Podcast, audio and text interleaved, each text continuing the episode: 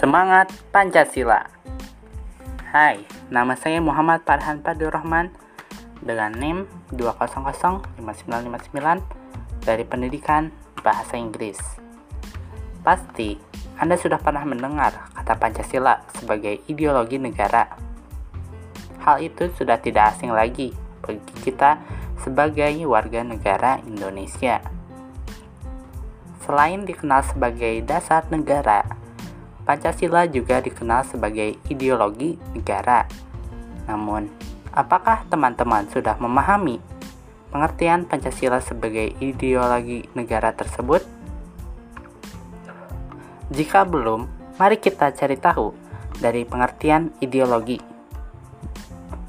Sebelum membahas mengenai pengertian secara keseluruhan, ada baiknya kita mengetahui makna dari kata ideologi itu sendiri. Ideologi berasal dari bahasa Yunani, yaitu ideas dan logos. Kata ini memiliki arti pemikiran, ilmu, cara pandang, dan juga cita-cita. Jadi, bisa disimpulkan bahwa ideologi adalah sebuah cara pandang yang membentuk kerangka berpikir kita dalam mewujudkan cita-cita. Lalu, apakah pengertian Pancasila sebagai ideologi negara?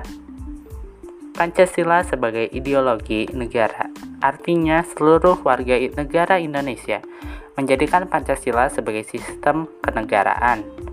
Nilai-nilai yang ada pada setiap butir Pancasila harus dijadikan sebagai pedoman dasar dalam melangsungkan kehidupan bernegara.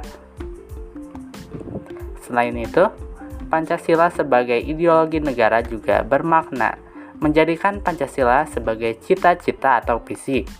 Hal ini tentunya berlaku untuk pemerintahan dan seluruh warga negara, termasuk saya dan juga para pendengar. Lalu kita akan membahas dinamika Pancasila sebagai ideologi negara. Pancasila sebagai ideologi negara dalam masa pemerintahan Presiden Soekarno. Sebagaimana diketahui bahwa Soekarno adalah orang yang memberi nama untuk dasar negara kita. Dalam hal ini, Soekarno memahami kedudukan Pancasila sebagai ideologi negara. Namun, dalam perjalanan pemerintahannya, Ideologi Pancasila mengalami pasang surut karena dicampur dengan ideologi komunisme dalam konsep Nasakom. Lalu pada masa pemerintahan Presiden Soeharto, Pancasila diletakkan pada kedudukan yang sangat kuat melalui TAP MPR nomor 2 tahun 1978 tentang pemasyarakatan.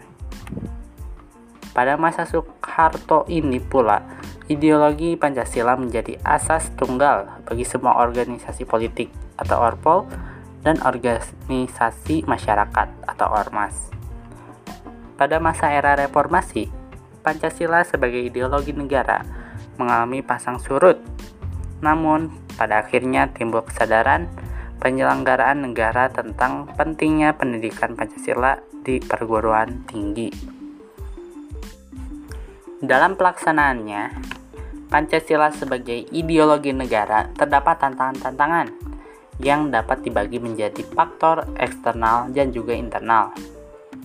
Dalam faktor eksternal meliputi hal-hal berikut, seperti pertama, pertarungan ideologis antara negara-negara superpower Amerika Serikat dan Uni Soviet pada tahun 1945 sampai 1990 yang berakhir dengan bubarnya negara Soviet, sehingga Amerika menjadi satu-satunya negara superpower.